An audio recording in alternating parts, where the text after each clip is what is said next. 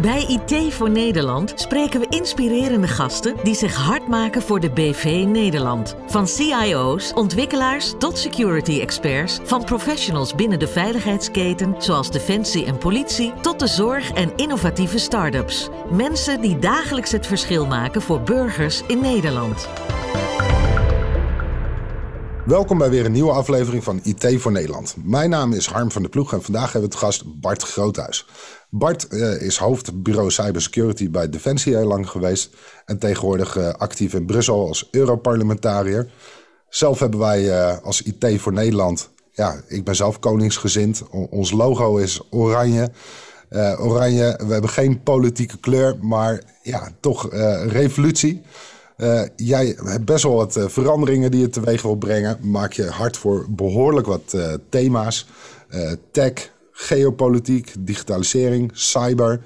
Nou, we zitten natuurlijk midden in een, ransomware-pandemie. allerlei ontwikkelingen op het gebied van cyber.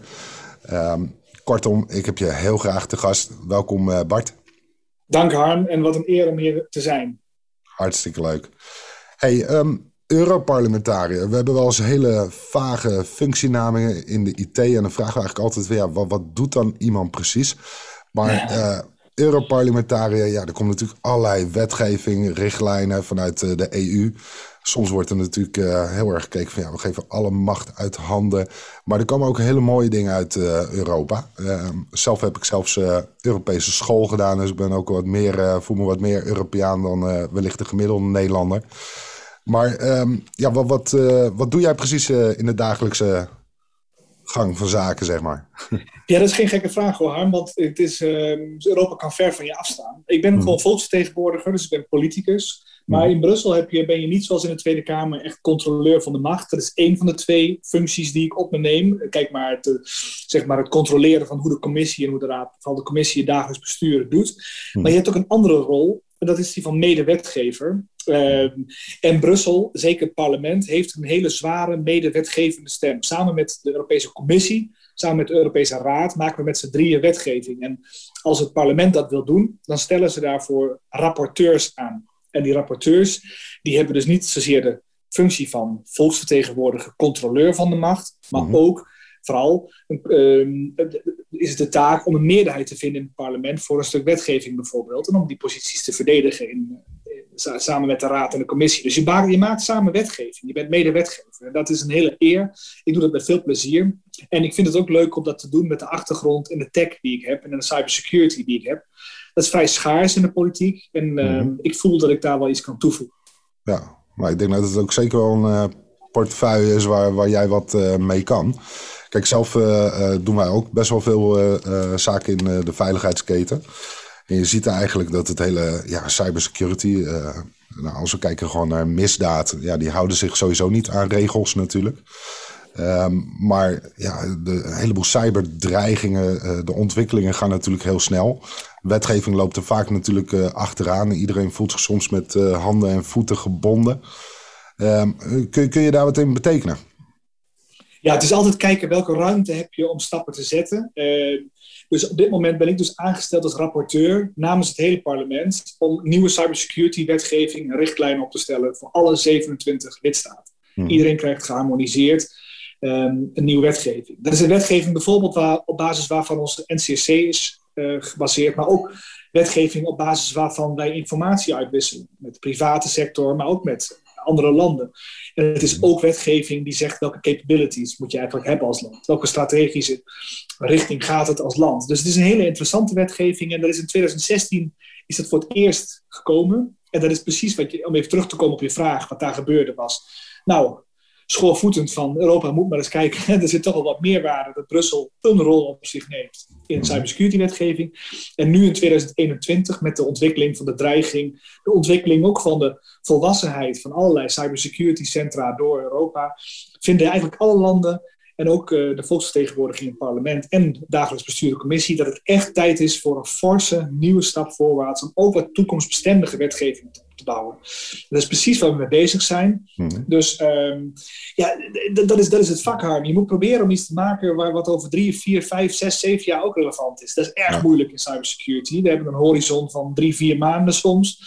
Maar er zijn een paar dingen waar je toch over na kunt denken, zoals quantum. Je kunt nadenken over het wordt niet snel minder voordat het meer wordt. Je kunt nadenken over de rol, ook van de Hè, als je ziet dat Rusland bijvoorbeeld heel veel uh, ransomware gangs, een soort safe haven biedt, een vrije ruimte om te opereren, mhm. dan uh, kan Brussel daar echt iets in betekenen, ook op de langere termijn. Ja, nou ja, dat, lijkt me ook heel uh, hard nodig. dus het draagvlak is er wel.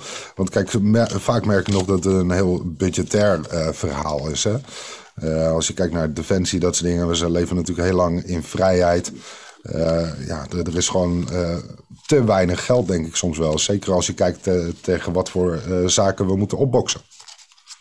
Zeker. Maar ik denk, dat, ik denk wel dat het zo is, Harm, als ik eerlijk mag zijn. We mhm. hebben ook te veel cyber gezien als een kostenpost. Mhm. En dat denken gaat wel omslaan, denk ik. ik we, gaan, we gaan in de Europese Unie nu toe naar zo'n 160.000 entiteiten, schrik niet, die we of als belangrijke infrastructuur of echt als vitaal kritieke infrastructuur gaan beschouwen. En dat betekent dat de veiligheidseisen omhoog gaan. Dat is niet alleen een kostenpost. Mm. Ik denk dat elk bedrijf wel goed beeld heeft tegenwoordig wat het betekent als een ransomware gang in jouw bedrijfsketen komt, alles op slot zet en je hele bedrijf lam legt. Dat kan verwoestende effecten hebben voor je klanten, voor de data van je klanten, maar ook voor je bedrijfsprocessen, voor je winstgevendheid, voor je reputatie, voor je aandeelhouderswaarde.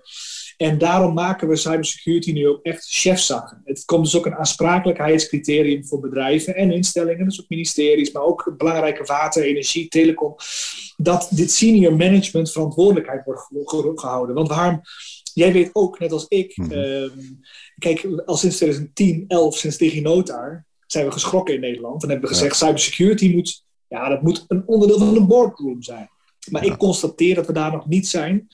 Dus wat ik nu doe, is proberen dat ook in wetgeving te gieten. Dat de boardroom, de senior management, ook echt, echt van cybersecurity is. Dat is ook wat je leert in alle CIS-cursussen. Dat is wat je leert in alle managementcursussen over cybersecurity. Nu gaan we het ook doen als eerste continent ter wereld. Ja. Nou, je ziet ook inderdaad, als je bijvoorbeeld kijkt naar uh, de privacywetgeving, uiteindelijk dat er een uh, boete uh, die afhankelijk is van de totale omzet. Ja, dan dan is er pas vaak een business case te maken binnen het bedrijf. En, ja, je moet, de wetgeving moet tanden hebben. Als wetgeving geen tanden heeft, dan heb je er niks aan. Dus, de, dus de network informatie uh, security richtlijn, hè, de, de NIS die in 2016 is geboren. daar, daar komt een nieuwe editie van. Daar ben je druk mee bezig om de handjes voor op elkaar te krijgen. je gaf al aan dat de rijkwijde dan een stuk groter wordt. Hè? Dat is volgens mij een belangrijk onderdeel van de richtlijn. Ja, zeker. De scope wordt uitgebreid in die NIS, waar ik dan rapporteur van ben.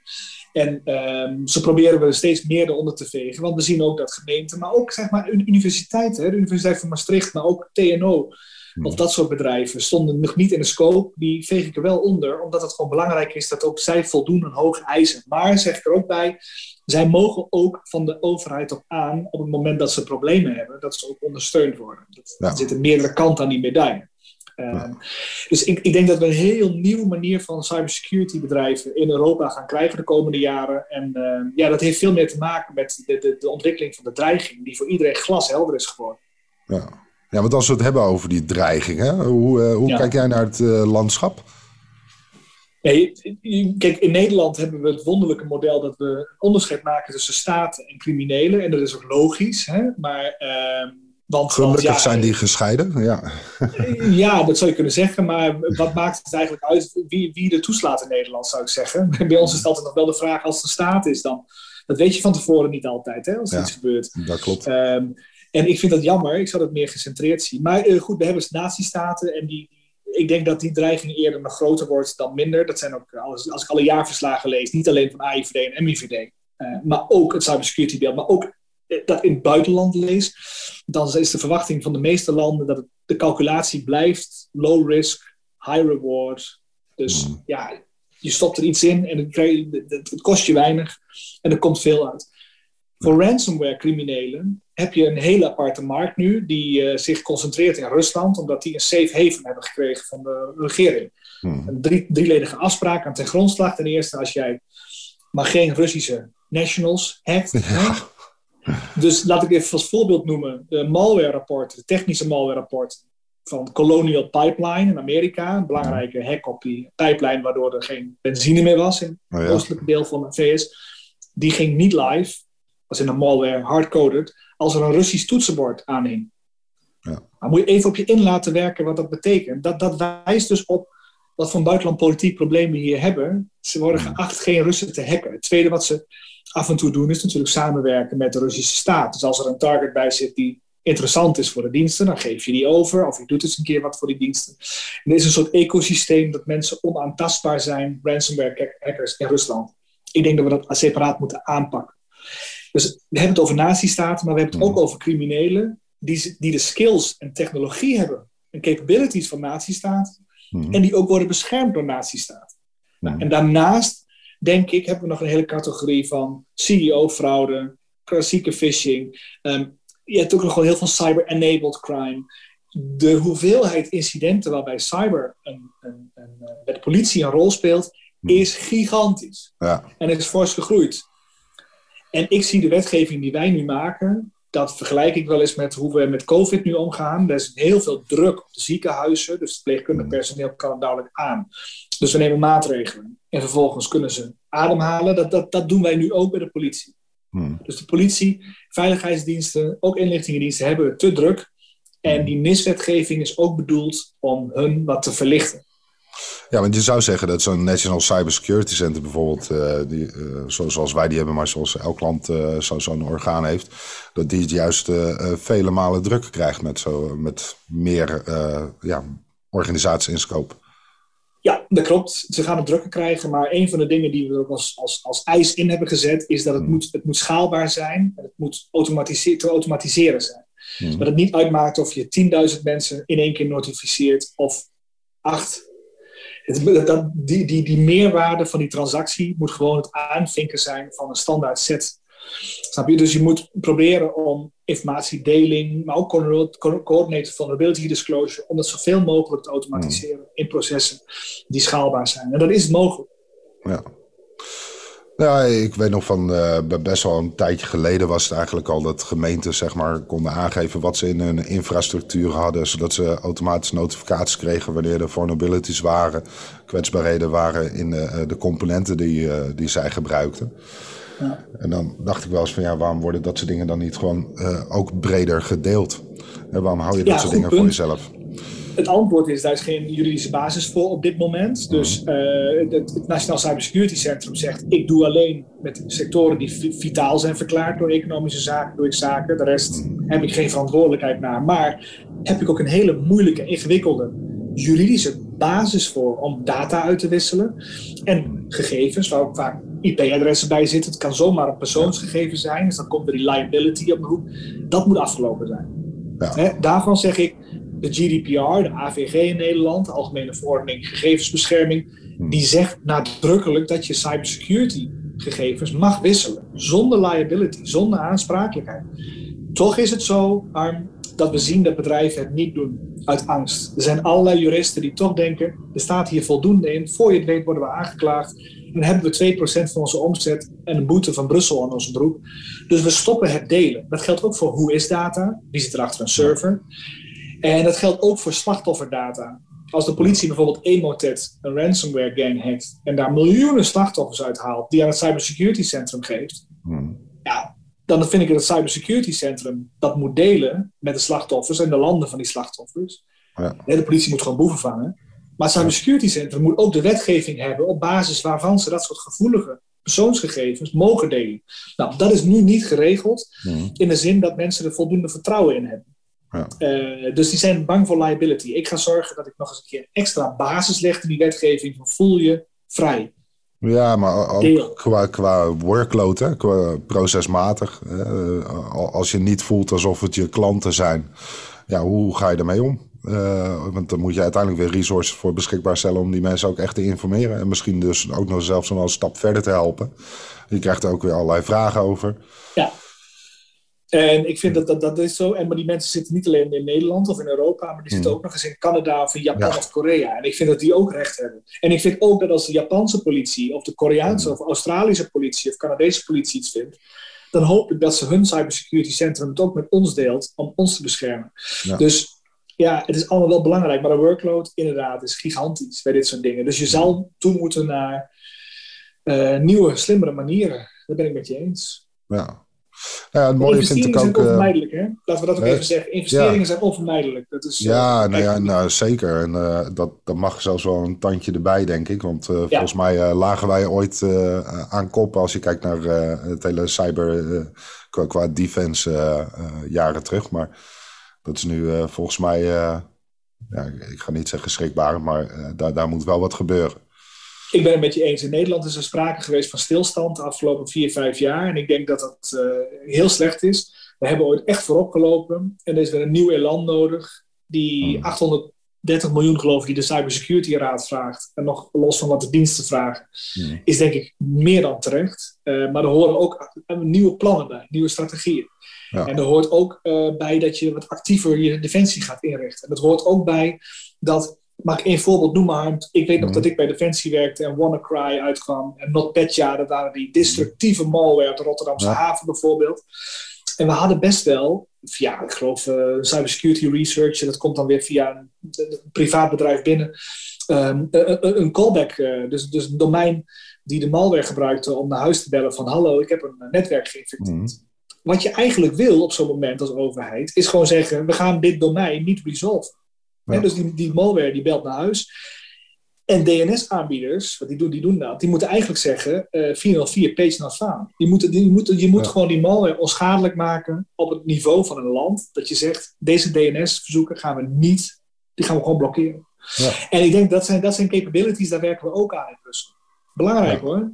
Dat we ook actiever iets gaan doen met de kennis die we hebben. Zeker. Als je het mis kan gaan, dat je ook een actieve bescherming biedt aan je burgers, aan je bedrijf. En dat mis ik nog. Als je zegt, we hebben geld nodig, ja, hmm. ook nieuwe, nieuwe energie. Ja, nou, het blijft mij inderdaad verbazen hoor. Dat je inderdaad krijgt, uh, uh, als je gewoon kijkt naar particuliere voor, voor uh, phishing mailtjes die er zijn, maar ook de sms'jes die erbij komen. Ja, dat zijn gewoon bekende nummers, bekende domeinen op een gegeven moment. En waarom zouden die dan nog inderdaad ja, gesurfd kunnen worden. Ja, en KPN biedt het al aan aan, aan hun klanten. Hè? En uh, je zou kunnen zeggen, je wil een capability om in voorkomend geval met allerlei toezicht en allerlei procedures kun je verzinnen zonder dat het de privacy of neutraliteit schendt. Maar je kunt toch iets verzinnen van een proces waarbij je zegt, nou, we gaan dit blokkeren. Ja. ja. ja.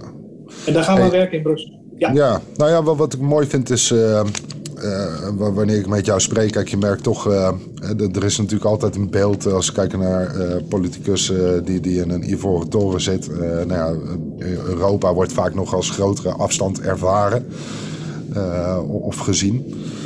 Ehm, waarbij jij echt ook uit de praktijk komt. Ik bedoel, mensen kwamen bij jou met de meldingen van er gebeurt hier wat verdachts. Ja. Ehm, hoe, hoe ervaar je dat, dat zelf? Hè? Dat is een hele overgang. denk ik. Ja, nee, heel overgaan.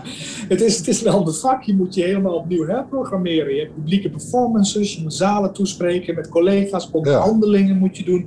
Het is echt politiek bedrijven. Het is heel nieuw. Uh, maar het bevalt me goed. Ik voel me als een vis in het water hangen. En een van de leuke dingen is, ik zit nu op die wetgeving, laat ik één voorbeeld noemen. Hmm. De Europese Commissie wil dat op het moment dat jij een incident hebt, er is iets op je netwerk, hmm. of dat mogelijk iets, dat je binnen 24 uur dat verplicht meldt. En anders krijg je dus allerlei boetes. Ja. En daarvan zeg ik, uh, dat is mij bijna nooit gelukt bij Defensie. Nee. Er, er, komt dan iemand op je, bij je bureau binnen, Bart, misschien verdacht verkeer. Dit antivirusbedrijf zegt dan dit en dit. En dan zeg je, oké, wat voor server maakt hij contact mee? Ja, die staat ergens in Den Helder. Oké, laten we eens iemand gaan kijken, wat voor server is dat dan? Oké, dat duurt dan weer een paar uur voordat er iemand naartoe gaat, uh, die informatie hebt, weet je. Ja. En wat voor verkeer is het dan? Hoe groot is de packet size? Ja, dat is versleuteld. Oké, onderzoek het eens. En wat voor, wat voor stadium zitten we in, in de kill chain? Is het gewoon een initiële verkenning of is het al data-exfiltratie? Hoe ver zijn we? Oh, heb je spearfishing e-mail gevonden die erbij hoort? Waarom niet? Is er een andere initiële aanvalsvector? Dat zijn vragen, Harm, die kunnen binnen 24 uur vaak niet beantwoord worden. Nee. Dus voordat je weet waar je bent, Ehm, heb je gewoon even de tijd nodig. Dus ik heb het opgerekt naar 72 uur. Ook omdat ik altijd met Pasen moest werken. Omdat vlak voor Pasen, vlak voor kerst, we aangevallen werden. Omdat dan andere landen wisten dat we ja, lage hebben. Ja. dus Wij, wij werkten altijd als andere mensen uh, ja, zeg maar aan de eieren zaten. Ja. ja. Nou ja, als je kijkt uh, nu, nu in je nieuwe uh, politieke rol. Uh, je, je, hebt natuurlijk ook wel ook echt, nou ja, na, naast dat je een MBA digitale transformatie en gewoon wel een sterke basis hebt, heb je ook bij, bij Klingendaal en dat soort dingen, buitenlandse betrekkingen. je noemde al even Rusland. Ehm, soms worden beestjes niet bij namen genoemd. heb ik het af en toe het idee. Maar ja. volgens mij Rusland, China, ehm, moeten we daar niet anders mee omgaan? Als je kijkt waar de, de dreigingen vandaan komen. Ja, ik denk het wel. En dan moet je het breder trekken dan alleen cyber. Kijk, en laten we even mhm. vooropstellen, gewoon militaire, zeg, maar, zeg maar, dat is even politieke spionage, aanvallen om te kijken wat een andere regering doet, wat een onderhandeling. Mhm. Dat is niet leuk, is niet fraai, maar is internationaal rechtelijk geen probleem. Het probleem zit met Rusland en China dat ze ook intellectueel eigendom stelen. Dat inzetten ten behoeve van hun eigen industrie of politieke processen beïnvloeden in andere landen, mm presidentsverkiezingen bijvoorbeeld, um, of sabotage plegen of prepositioneren tot sabotage. Nou, dat zijn, kom je al in de sfeer van desinformatie, dat zijn internationaal rechtelijk hele problematische dingen. En het is iedere keer vlak onder het geweldsdrempel en stuk voor stuk irriteert het je. Zijn het onvriendelijke acties, maar is het mhm. onvoldoende om tot actie over te gaan. Wat ik, waarvoor pleit ik, ik noem het death by a thousand cuts. Hmm. Als je ze allemaal bij elkaar opveegt, heb je wel een strategisch effect. En ik vind dat je dan ook één keer een loeiharde knal moet uitdelen naar hmm. Rusland en naar China, om te laten zien dat dit kosten heeft. Want de calculatie waar ik net mee begon, low cost, low risk, high reward, die hmm. geldt in Peking en Moskou. En als je die wil doorbreken, moet je een loeiharde knal uitdelen om te, duidelijk te maken, jullie schenden hier de orde. En dat moet je dus doen in de EU. Ik denk ook met de NAVO, maar ook met landen als Singapore, Korea, Japan, Canada, Australië. En de reden is, je moet ook niet weten van welk land het precies komt. Uh, de, de, de, de kosten moeten zodanig worden opgedreven dat die landen, Peking en Moskou, dat die opnieuw gaan calculeren. En dat is een proces, daar zijn we ook mee bezig in de Europese Unie. Ja. Ja, want het gaat natuurlijk verder. Hè. Als je kijkt natuurlijk naar de afhankelijkheid met de gasrotonde en dat soort dingen. Ehm, ja, uiteindelijk, uh, wat, wat, wat, kun je maken op een gegeven moment? Hè? En uh, Rusland heeft al eerder laten zien dat ze ook gewoon uh, bereid zijn hun eigen bevolking de, om gewoon economische sancties ook gewoon te dragen. ja, zeker. Ja. Rusland is zelfs bezig met, die hebben nu twee keer getest om zichzelf van het internet af te sluiten. Mm. Je krijgt weinig coverage in de Nederlandse pers, maar het is heel ernstig om te kijken of ze zichzelf van het internet kunnen afsluiten zonder schade voor economie en samenleving. Nou, dat kunnen ze. Ja. Tweede wat je moet constateren in dat uh, opzicht, is dat ze een gigantische investering aan het doen zijn in een onderzeewaterprogramma, het Googie Instituut. Hmm. Dat doet onderzoek naar diepzeewateronderzoek. Dus uh, gigantisch, gigantisch dure onderzeeërs die ze erbij uh, kopen. En de vrees is daar dat ze, en dat veel NAVO-landen waarschuwen daarvoor, en ik heb het in het Europees Parlement ook een aantal keren gedaan, is dat die onderzeekabels, dat die gebruikt worden om, rust voor Rusland om zich te prepositioneren voor sabotage. Ja, kan zijn. Dat is gewoon de transatlantische verbindingen gewoon.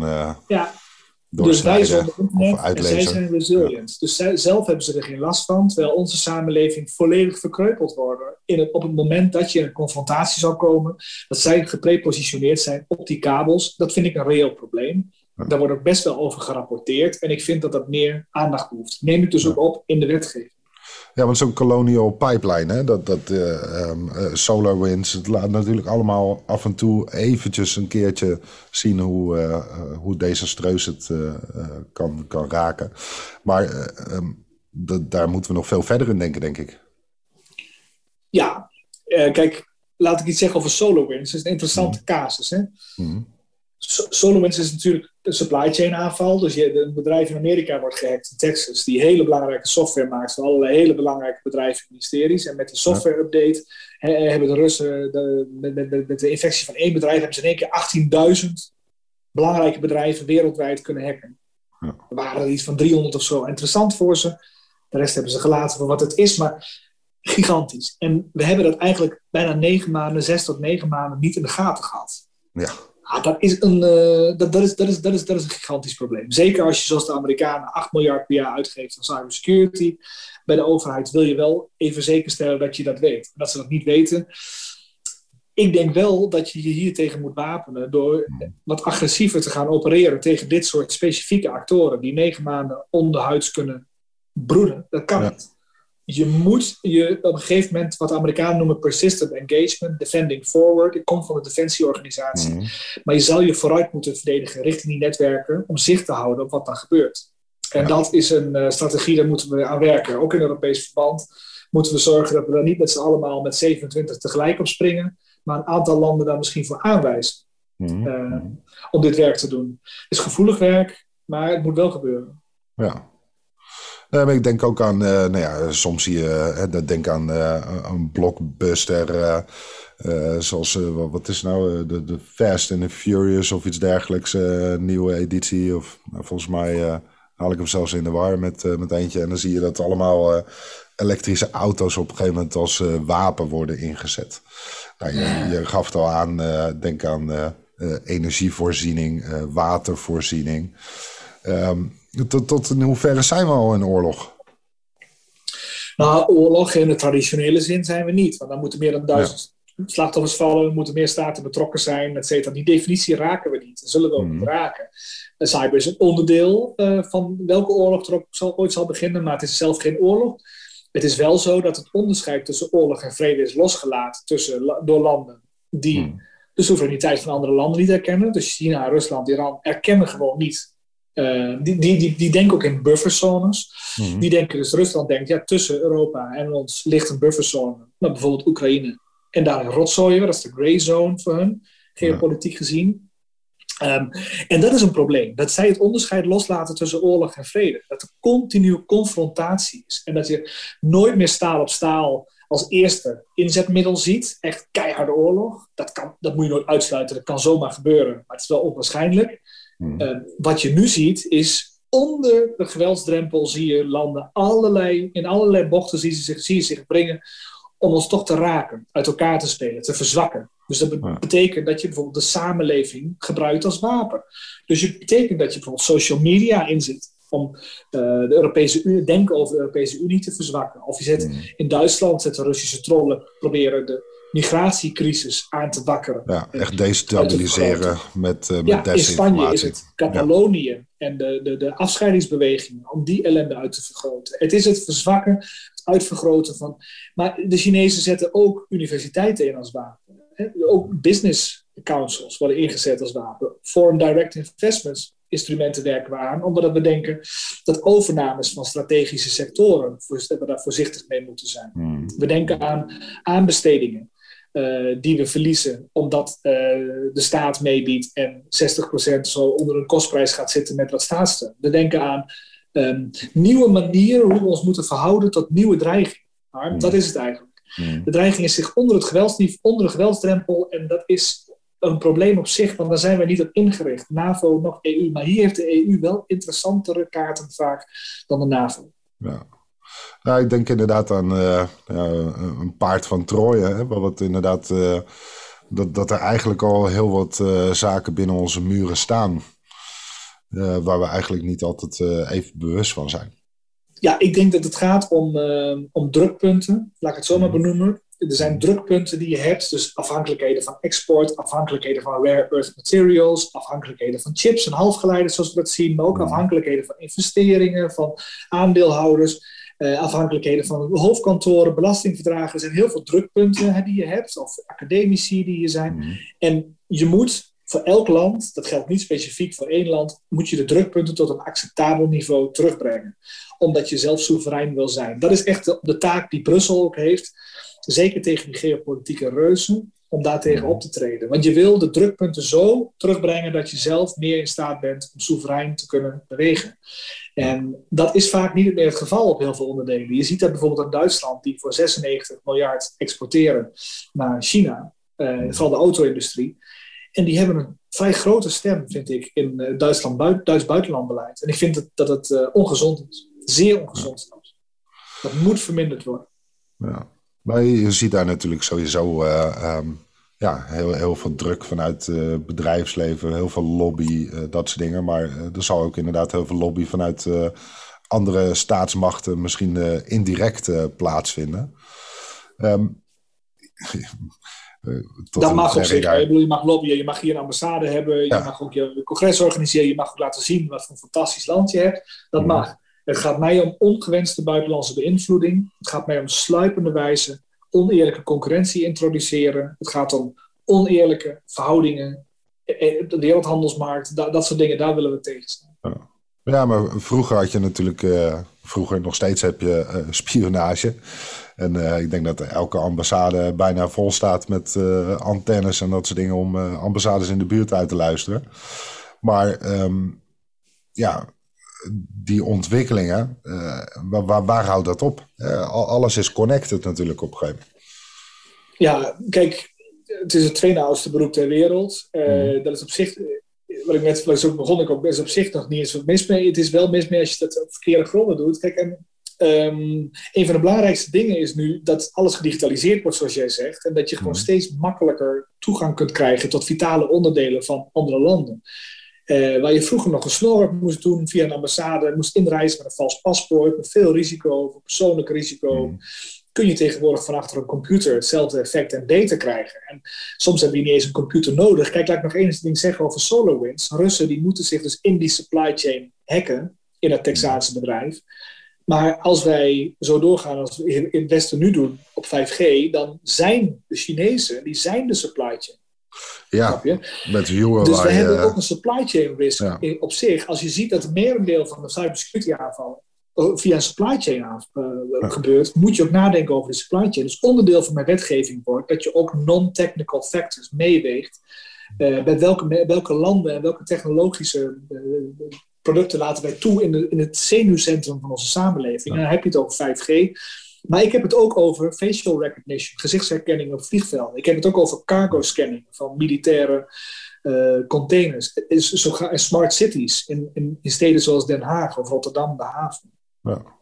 Nou ja, 5G uh, raakt dat wel. Dat, is natuurlijk uh, helemaal core uh, als je kijkt qua infrastructuur, waar dan op een gegeven moment bijna alle data overheen gaat vanuit die verbindingen.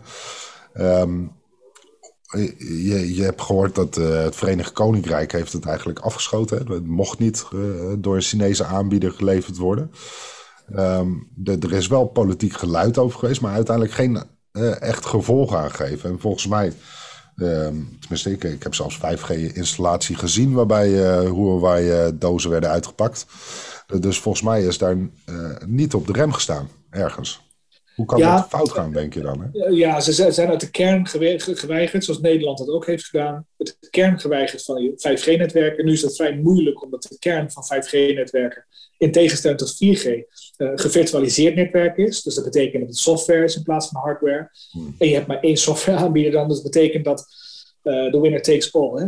Maar je hebt een aantal standaarden. Uh, we gaan een beetje de diepte in. Mag dat aan deze podcast? Ja, ja joh, uh, neem ons mee.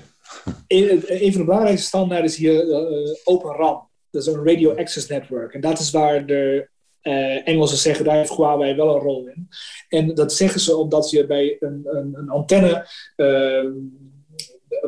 op de switchlaag nu, die wordt gevirtualiseerd, maar bij, bij Open RAN wordt het ook software. En kun je verschillende kleine aanbieders kun je toelaten, verschillende antennes kun je toelaten als je die standaard introduceert, een software standaard om 5G aan te bieden. Hmm. Ehm, waarbij je ook kunt zeggen, nou in deze buitengebieden mag Huawei dat prima doen, maar bij Westminster vlakbij doen we het even niet, of bij number 10. En ze hebben dus een manier gevonden, uh, een standaard die ze willen omarmen. Um, om, om voor, voor, hun gevoel voldoende security in te bouwen. Ik vind het heel spannend. Ik denk dat de Europese Commissie daar ook heel wantrouwend naar kijkt. Omdat Open RAN ook nieuwe security risico's introduceert. Met nieuwe mensen die over je vloer komen. Die de installatie doen, die de onderhoud doen, die de innovatie doen binnen zo'n telco-netwerk. Ehm, hoe ziet het eruit? Is al die software wel gevet? Heb je, het levert veel onzekerheid op. Dus ik denk dat er nog. We hebben er in Brussel vrij veel politiek debat over. Ja. In Den Haag is, is, is, het, is het woordje open rand volgens mij nog niet gevallen. Maar dit is volgens mij wel de kern van hoe ziet onze samenleving er in de toekomst uit? Wil je open rand of niet? Hmm. Nou ja, als je kijkt naar uh, supply chain, hè, eh, enerzijds inderdaad heb je natuurlijk uh, de, de fabrikant of de ontwikkelaar van software die uh, natuurlijk inderdaad van, van niet bevriende staten zou kunnen komen met andere intenties wellicht. Um, wat, wat risico's met zich meebrengt. Anderzijds zie je ook, denk aan telco's die gewoon uh, eigenlijk hun eigen core competentie al best wel jarenlang uitbesteden. Uh, wat wellicht ook uh, ja. naar andere landen gaat. dat, dat zie je in best wel heel veel bedrijfstakken gebeuren. Um, waarvan je sommige inderdaad kunt aanmerken dat die inderdaad vitaal voor Nederland zijn. Um, ja, ja. Uiteindelijk kun je, kun je natuurlijk security-richtlijnen uh, maken wat je wil. Maar dan zou je zeggen van als je zelf de, de core competentie al niet meer hebt om je eigen bedrijfsprocessen zowat te overzien, dan wordt het erg lastig. Ja, ik denk dat je daar een eh, gevoelig maar goed punt raakt. Ik denk dat op basis van allerlei efficiency-overwegingen en aandeelhouderswaarde-overwegingen inderdaad veel is geoutsourced. Waardoor, even heel plat gezegd, gewoon veel telecomaanbieders bijvoorbeeld, want daar gaat het vooral om, denk ik, uh, meer marketing en juridische afdelingen hebben gehouden. En veel techniek hebben geoutsourced naar het buitenland, India bijvoorbeeld. En dan is de vraag inderdaad, als je billing, je call data records, alles daar ligt, wat, hoe zit de cybersecurity? Ik vind dat een terechte vraag. Dus uh, dat is één. Mhm. Twee is, voor het economisch verdienvermogen van ons land is het ook wel van belang dat je die technische vaardigheden zelf in de hand houdt. Ja. Dat je zelf kunt toolen, dat je zelf dingen maakt. Maar dat je ook nieuwe spin-offs, nieuwe innovaties, maar ook bedrijfjes die daar vanaf komen met goede ideeën. Dat je dat hier houdt, dat ecosysteem. Dat je zelf uh, weer, weer, weer, nieuwe, nieuwe, nieuwe telecombedrijven begint. Uh, dat is belangrijk. Nog even terug naar Open RAM. Hmm. Waarom Amerikanen en Britten en Japanners zijn daarvoor? Omdat zij samen zo'n 80% van de markt van die hele kleine aanbiedertjes hebben die op die 5, 5G Open RAM infrastructuur uit de voeten kunnen. Europa heeft daar maar 5% marktaandeel. En dat heeft te maken met wat jij net zegt. Dus uh, je, je wil hier toch weer een nieuwe tech-industrie opbouwen met kennis. Ja, uh, ja die innovatiekracht, uh, dat, dat Open RAM. Kijk, vol, volgens mij is een Nederlander zelfs uitvinder van het wifi. En, en, jij bent een echte Twentenaar. Nou, dat, we, we, hebben, we, we hebben zat universiteiten met hele slimme mensen die ja, wellicht gewoon een vergelijkbare iets zouden kunnen ontwikkelen, gok ik zo. Ja, zonder meer. We hebben veel, veel in huis. We doen ook heel veel goeds en heel veel gave dingen hoor. Ik uh, moet wel zeggen, dat ja. gaat echt goed. Alleen wie wil gewoon je kennis, technische kennis waarvoor je een telecom provider bouwt, die is, uh, die is Nederland. Ja, zeker. Ja, um, kijk, uh, wij doen niks anders dan de schaarse mensen proberen te, ja, aan ons te binden. Maar ja, dat, dat is inderdaad gewoon in toenemende mate moeilijk. En kijk, naarmate meer digitaliseert, de complexiteit neemt ook enorm toe. En net wat je zegt, het is het korte termijn aandeelhoudersgewin om op efficiëntie te sturen. Maar op lange termijn duurzaam concurrentievoordeel, innovatiekracht. Ja, zul, zul, je toch moeten blijven investeren in, de, in, in de mensen. Ja. ja. zeker. Maar ook wel in nieuwe bedrijven, spin-offs. En ik vind ja. dat bijvoorbeeld in Engeland ook heel goed. Dat uh, rondom Cheltenham, rondom GCHQ, een, technische inlichtingendienst, ja. zijn er tientallen, meer dan honderd bedrijven, start-ups die daar zitten, die in cybersecurity bedrijfjes beginnen. Met al, van alle vormen en maten. En dat vind ik goed. Ik vind dat in Nederland zie ik zoiets nog niet. En ik verbaas me daarover. Want wij hebben zeker zoveel kundige mensen. En die, die, die swoon moet nog komen. Rondom het NCSC, rondom de IVD, de MIVD, maar ook rondom het Cybercommando, DevCert. Dat zijn allemaal... Uh, ja, ik hoop, dat, ik hoop dat er ook iets van bedrijfjes en spin-offs komt. Ja. Nou ja, Engeland heeft het ook uh, heel belastingtechnisch uh, heel gunstig gemaakt om in ja. start-ups te investeren. dus je en bij aanbestedingen het ook, dat ze gewoon Engelse technologie willen. Ze willen gewoon ja. geen andere landen in hun netwerk kijken. En dat snap ik. En in Nederland hebben we gewoon te weinig productieachtige cybersecurity bedrijven. Wel heel veel advies. Maar ja, wat bouwen we zelf? We bouwen zelf weinig producten. Ja. Als we kijken naar aanbestedingen, er, er wordt natuurlijk uh, heel vaak uh, op prijzen uh, is nog ja, bijna te bepalend, zou ik zeggen. het is sowieso heel erg moeilijk hè, om als aanbestedende dienst goed vorm te geven. Ja, wat wil je? zeker wanneer ja, de feitelijke aanbesteding wellicht één of twee jaar later pas plaatsvindt. dus dan heb je ook nog te maken met een veranderende vraag, die dan wellicht niet meer goed aansluit. Um, maar uh, uh, als we kijken naar kwaliteit, uh, er wordt ook wel eens duurzaamheid. wat dan vaak toch eerlijk gezegd, vind ik, een wassen neus is binnen zo'n aanbesteding, hoe dat dan invulling krijgt. Maar als we kijken naar kwaliteit, dan eh, moet je natuurlijk ook over veiligheid nadenken. En dat, dat op waarde schatten is ook wel erg lastig. Als je kijkt naar bijvoorbeeld veiligheid bij softwareontwikkeling, zie, je dat er wel richtlijnen zijn. Maar hoe ga je dat meten in een aanbesteding? Het is niet dat je daar eenvoudig een, bijvoorbeeld een keurmerk of een afvinklijstje die blijft meegroeien.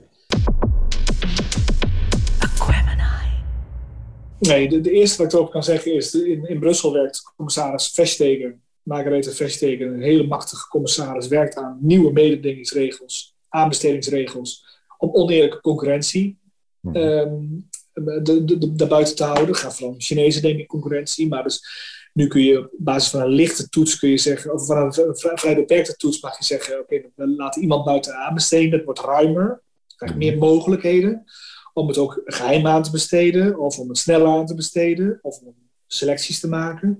Mhm. Het tweede wat je zegt over, dus dat Brussel helpt daar. Het tweede wat je zegt over software, uh, dat zie ik ook. Hè? Hoe wordt software gemaakt? Is software. Uh, kijk naar SolarWinds. Gaan we even terug naar die, die hack van die Russen in, in Texas. Ja. Uh, ik heb het minutieus bestudeerd. Mij valt wel op dat die Russen wel in staat zijn om een binary te compilen, dus om een, om een bestand te, te, te, te creëren en die te sturen naar alle klanten van SolarWinds. Uh, terwijl daar echt wel iets gezien had moeten worden door die DevOps jongens, hè, die developers. Ja. Ik denk dat ze wel een paar DevOps-accounts hebben gecompromitteerd. En hoezo is daar geen twee-factor authenticatie geweest bij die software developers zelf? Ja. Wat voor certificeringen, standaarden hanteren dat soort bedrijven zelf? En dat soort bedrijven dat soort dingen heb ik natuurlijk ook, die vragen. Um, ik vind wel, daar, daar heb ik de Europese Commissie ook op bevraagd. En we hebben afgesproken hmm. dat daar speciale wetgeving voor komt, dit najaar.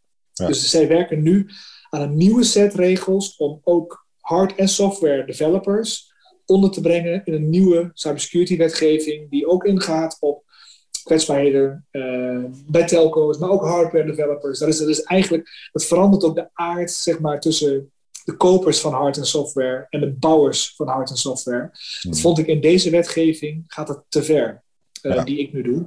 Maar het komt er wel aan, ook op ons verzoek. En we hebben daar afspraken over gemaakt. Dus ik vind dat je daar een goed punt uh, op werpt staan. Ja, nou ja, het is gewoon, uh, als je kijkt naar de volwassenheid natuurlijk van uh, security, nou je weet als geen ander. Het begon allemaal met van oké, je moet antivirus uh, software op de endpoint hebben. En de firewall heeft een ex-control list. Maar op een gegeven moment zit je inderdaad dat, dat, je echt actief moet gaan monitoren wat gebeurt er natuurlijk op je netwerk. Want ja, de dreiging komt gewoon op een gegeven moment door je voordeur heen. Ja. Uh, en dan wil je inderdaad niet dat het al zoveel maanden actief is. dan nee, dus een van de dingen die ik, ook, een van de dingen die ik ja. voorstel, haar, is precies wat je zegt. Maar ook dat echt in het geval van een, van een concrete aanleiding dat, dat, dat, over, dat de overheid ook kan mee monitoren op het netwerk van wat gebeurt er. We verwachten hier iets of we zien hier iets, dat we mee kunnen monitoren van wat zien we. En met alle bijzondere kennis die de overheid dan heeft, ja. uit inlichtingkanalen, uit politiekanalen, uit CERT-kanalen, van partnerlanden, dat je dan samen een effort kunt doen om het zo'n bedrijf veilig te houden. Dat is ook ja. iets wat we gewoon in de wetgeving gaan regelen. Maar je hebt helemaal gelijk. Je moet actief meekijken. Ja, en als we kijken naar het uh, meemonitoren, wat ik zelf ook nog wel eens uh, afvraag. Uh, kijk, we hebben natuurlijk ook bevriende natiestaten. dus denk niet gelijk aan Rusland, China. Maar de, de, halve wereld stapt over op Office 365, gaan naar Azure. Ja. Um, wat, als er straks een ergens een vliegdekschip uh, uh, in de haven wordt gelegd en uh, zet maar gewoon uit die Europese datacenters. Ja, de, de, de, de, afhankelijkheid van een aantal buitenlandse mhm. spelers is gigantisch. Dat geldt ja. zeker voor toekomstig vriendvermogen, artificial intelligence. Ik denk dat je gewoon een goede AI-applicatie mm. buiten Azure, wat je net zegt, of AWS, Amazon, kun je het eigenlijk niet meer bouwen. Uh, ze bouwen platforms, ze bieden platforms, ze bieden de software, ze bieden de ondersteuning, ze bieden de hardware, ze bieden de cloud, ze bieden een totaaloplossing, mm-hmm. extreem goedkoop. Ik denk wel dat we langzaam moeten nadenken om ook in ieder geval alternatieven te creëren. Ja. Het is niks mis met die bedrijven, maar je moet ook alternatieven hebben om een Europees alternatief te bieden. En dat is wel een trend die we in Brussel zien. Uh, de zucht naar digitale autonomie, digitale soevereiniteit dat is wel uh, ja, een, een, drijfveer voor veel van de commissarissen in ieder geval bij de commissie. En ik merk in het mhm. parlement en de raad ook wel dat daar de handen voor op elkaar gaan. En dat we dit soort afhankelijkheden zien. Dat klopt. Ja, ja want ook gewoon uh, de, de grootste techbedrijven. Microsoft, Facebook, Apple, Amazon. Ja, die hoeven niet te vrezen, hè, maar je hebt wel een punt natuurlijk met afhankelijkheid. Ja. Ja, nou ja, dat, dat, uh, alleen dat, dat gaat natuurlijk elke huiskamer in. Ja, technologie is, is, is zo interessant.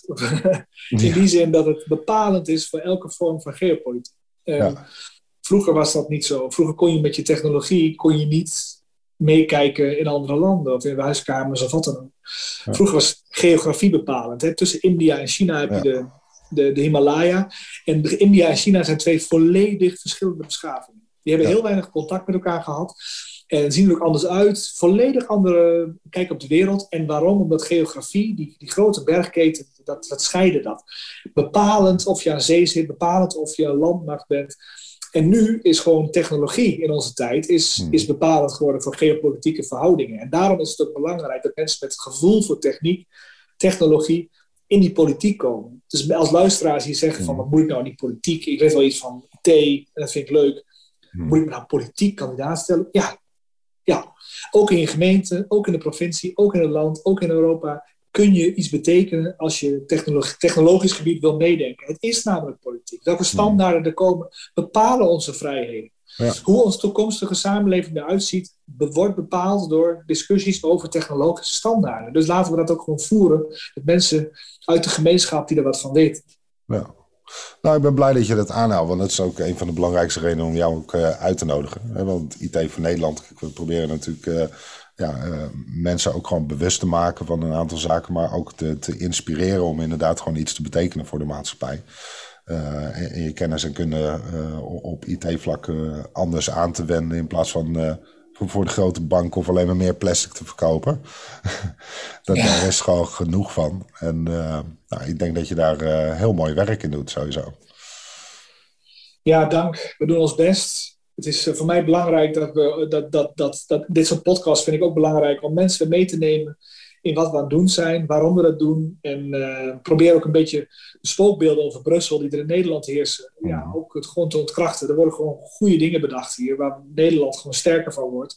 En daar werk ik gewoon heel, heel graag aan mee. En um, ja, ik voel me als een vis in het water, zo begon ik. Maar dat heeft ook te maken met uh, ja, de focus op technologie die hier is bij de commissie. Die is uh, heel fors, veel groter dan in Den Haag. Dat is iets wat ik positief acht. Ja. ja. Nou, dat was nog een beetje uh, een vraag die mij eerste van uh, inderdaad, uh, kijk, de, de interesse dat, dat je die had, is denk ik wel duidelijk als je kijkt naar jouw, jouw loopbaan. En kijk, Defensie is natuurlijk ook gewoon een complexe organisatie, dus je hebt wel degelijk ervaring op sturing en stakeholderveld en dat, dat soort zaken. Maar technologie, misschien komen we er wel op een gegeven moment veel te ver af te staan je moet het bijhouden. Uh, je moet, het gaat zo razendsnel. Dus ik probeer. Kijk, het leuke is, jij neemt een podcast nu op. Ik reis veel naar Brussel en dan luister ik podcast, omdat het ook een onderdeel is van jezelf scherp houden met geluiden buiten het parlement, ja. Ehm, uit de samenleving. Wat hoor je? Wat zeggen experts? Wat zegt Silicon Valley? Waar draait het in India om? Dus ik luister een, wide array van podcasts over mhm. technologie, omdat mensen daar kunnen vertellen wat voor hun de belangrijkste inzichten zijn. Het is zo'n goede manier om heel snel up-to-date te zijn met waar, waar, liggen de belangen? Waar, waar moeten we op inzetten? Dus het is, ja, ik, ik vind deze tijd fantastisch om in te leven. Mhm. Je moet er, dus, moet er toch niet aan denken dat je, dat je in een tijd leeft dat er nog geen mobiele telefoon of, uh, nee, antibiotica was. Ja, dit zijn toch de mooiste uitvindingen die er zijn. Ja. Antibiotica en de telefoon. Laten we het daar maar bij houden. Dat zijn de mooiste uitvindingen van de vorige eeuw. En de vraag is, wat worden de beste uitvindingen van deze eeuw? Dat, is, uh, dat gaat echt richting kunstmatig leven. Dus je alle grote revoluties van nanotechnologie, biotechnologie en big data en artificial intelligence en robotica en domotica. Als je bij elkaar optelt en je mij vraagt, waar kijken we nu naar? Dan kijken we eigenlijk naar nieuwe vormen van kunstmatig leven die gaan ontstaan. En de vraag is, wat voor wetgeving loop je dan, wil je daarbij hebben? Ja, maar dan komen er ook ethische vragen natuurlijk, waarbij je dan inderdaad wetgeving ook kaders moet gaan stellen. En uh, ja, een heel bepalend uh, moment zitten we eigenlijk natuurlijk in. Uh, wellicht ook ongemerkt voor velen. maar maar je bent er wel aan de voorfront mee bezig.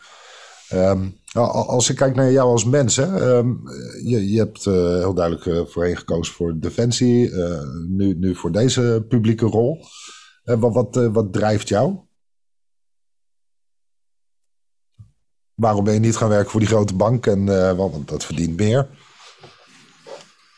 Nou, luister ik sluit niet uit dat ik ook nog eens een keer een eigen bedrijf begin. Want ik vind mhm. ondernemerschap fantastisch. En als mensen zich geroepen voelen om zelf iets moois te maken dan, dan dat er nu beschikbaar is, doe mhm. het. Ik, uh, ik, voel die drive ook. Maar ik heb een publiek hart. Ik word gemotiveerd door onrecht. Ik word gemotiveerd door dingen zoals ik de samenleving ingericht wil zien. Ik wil graag de samenleving vrij en stabiel en welvarend houden, wat we hier hebben. Nog meer binnen dan we nu doen. En het gaat door middel van technologie. Als je daar een bijdrage aan kunt leveren, vind ik dat waardevol. Mhm. Ehm, tegelijkertijd moet je nooit uitsluiten. Het is heel erg interessant in onze tijd om verschillende onderdelen van jezelf te verkennen en te vergroten, te verbeteren. Vroeger was bijvoorbeeld, kon je beginnen bij de Nationale Spoorwegen, Nederlandse Spoorwegen, in, ben ik veel, conducteur derde klas. En je eindigt die carrière op uh, conducteur eerste klas internationale trein. Dan kon je op vier talen kon je in Antwerpen zeggen dat je in Antwerpen was. Zeg maar. Dan werkte je je hele leven bij één bedrijf. Maar ik voorspel dat als jij uh, nu jong bent, zeg maar, je komt van, de, van, van een hogeschool of, middelbare school of van uh, universiteit of wat dan ook, dan zul je jezelf vier, vijf keer moeten uitvinden. Met nieuwe vakken, nieuwe vakgebieden. Het gaat, gaat zo snel. Er wordt heel veel geautomatiseerd. Je zou jezelf, je talenten moeten aanspreken in een bredere zin dan je denkt dat als je 25 bent. Wie weet wat je gaat doen als je 50 bent. Dus ik zeg nooit nooit. En ik probeer altijd open te staan voor nieuwe ontwikkelingen. Heel erg interessant. Mhm. Nieuwe gadgets, nieuwe technologieën.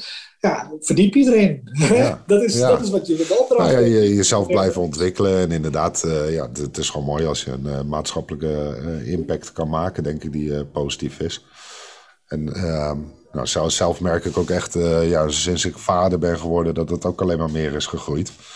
En dat, uh, ja, zo, zo, staat iedereen wel een beetje stil bij uh, hoe kun je iets beter doen in, in, de wereld natuurlijk. Zo is het. Zo ben ik ambassadeur geworden van de Codeweek, om jonge kinderen code te leren. Ja. Uh, leren programmeren. Dat vind ik heel, heel belangrijk. En ik hoop binnenkort nog een keer bij het Klokhuis of bij, weet ik veel, Willem Wever of wat dan ook, ook dat voor jongeren nog eens een keer voor het voetlicht te kunnen brengen. Dat motiveert mij zeer. Ik probeer mijn kinderen dat ook te leren. Het is belangrijk dat mensen computers leren begrijpen wat ze doen, waarom ze het doen. En niet alleen maar leren swipen op een iPad. Het gaat ook om de, de, de, de hardware erachter. Hè? Die moet je begrijpen. Zeker, zeker. En uh, ja, je moet inderdaad ook uh, gewoon, gewoon de taal en het methodisch denken ervan doorkrijgen. Ja. Nou, ja, mooie ontwikkelingen. En ehm, jouw, jouw missie daar is uh, nog lang niet volbracht. Ondanks dat je inderdaad uh, heel tastbare, net zoals een NIS 2, is dan natuurlijk een tastbaar stukje wat straks naar buiten komt. maar, maar als ik jou over een paar jaar weer uitnodig, wanneer zeg je dan nou, hier ben ik echt trots op? Wat, wat hoop je te bereiken? Nou, als we in tegenstelling tot de NIS 1 nu een een wetgeving hebben neergelegd die voor 27 landen echt werkt, die significant bijdraagt aan een betere veiligheid, een betere mhm. informatieuitwisseling, dan ben ik echt wel, dan ben ik wel echt trots op als dat, als dat zou lukken. Uh, die onderhandelingen, dat gaat nog wel even duren, maar het is belangrijk. Ja. Ik, daarnaast onderhandel ik ook in het Europees Parlement over desinformatie en buitenlandse beïnvloeding. Mhm. En dan leggen we een heel groot rapport, een wetgevingspakket proberen we te initiëren om dat tegen te gaan. Ehm, dat zijn dingen, die heeft Brussel tot nu toe niet bij stilgestaan. Ik kom uit het vakgebied. Dat is het beetje wat ik uit mezelf mee kan brengen. Er zijn hier 700 Europarlementariërs. Hè. Ik vind het belangrijk om iets van je eigen vak, je eigen kennisgebied, als je dat goed voor het voetlicht kunt brengen en in verstandige wetgevingspakketten kunt, kunt fietsen, dan is dat echt uh, dat waarvoor je hier bent aangesteld door de kiezer. En uh, dat is wat ik hoop te doen. Dat is in ieder geval mijn missie, zo, zo voel ik dat. Ja, want het hele desinformatie, je noemde al even eh, artificial intelligence. Uh, kijk, je ziet natuurlijk ook steeds meer uh, ja, fake nieuws. We, we, hebben nu phishing scams, maar ja, uiteindelijk worden mensen ook gewoon gebeld met is de stem al opgenomen, volgt er een kort gesprek. Wat eigenlijk natuurlijk gewoon kunstmatig in elkaar is gezet. dat zie je ook met video ontstaan. Um, dat, dat zijn uh, uh, belangrijke dreigingen die uh, ja. ja. gewoon, gewoon ook steeds meer en masse beschikbaar komen. Ja, er zijn Dus in die commissie waar ik in, is een tijdelijke commissie, zit ik in, maar daar onderhandel ik dus ook over de, de eindtekst. En het aardige is daar dat ik recent hadden we een professor uit de University van Berkeley, een van de beste universiteiten ter wereld. En die had uh, alle onderzoeken in de wereld dus op, op, een, op een hoop gegooid over deepfakes, waar je het over mhm. hebt. Ja. En die zegt dat zo'n 90% zich richt op de technologische ontwikkeling van deepfakes. Hoe werkt dat? Hoe maak je het? Hoe bouw je het? Hoe kun je het toepassen? Mhm. En slechts 10%, slechts 10% op detectie. Ja. Ja, dat kan dus niet. Dus ik zit in de industriecommissie en wat ik dan probeer te doen, is te zorgen dat je innovatiegelden, wetenschapsgelden. Daar probeer ik dus een post in op te nemen. En dat lukt ook hoor. Om te zeggen, we gaan ook onderzoek voor deep, naar deepfakes gaan we mogelijk maken vanuit de EU. Nou, de, de, Universiteit van Amsterdam bijvoorbeeld doet dat op dit moment samen met het NFI. En ik moedig dat toe. En als corona weer een beetje voorbij is, dan ga ik daar graag weer op werkbezoek om te kijken hoe ver ze ermee zijn. En proberen andere universiteiten ook zover te krijgen dat detectie van deepfakes bij het uploaden al, hè, bij het uploaden van zo'n van zo'n van zo'n filmpje, op YouTube of zo, dat er dan al een watermerk in zit van dit is niet authentiek. Dat je in ieder geval weet, het is leuk, het is grappig of niet, maar het is niet ongestoord, kan het niet ongestoord viral gaan. Dat is natuurlijk in deze tijd het grootste probleem. Met, ja, Zeker. alles digitaliseert. Het viral gaan, dat is natuurlijk ja, de amplificatie van, van alle technieken die we de afgelopen jaren gezien hebben van buitenlandse beïnvloeding zie je door digitale domeinen in veelvoud en in heftigheid en hevigheid zie je die toenemen. En ik wil in ieder geval dat het niet ongestoord kan.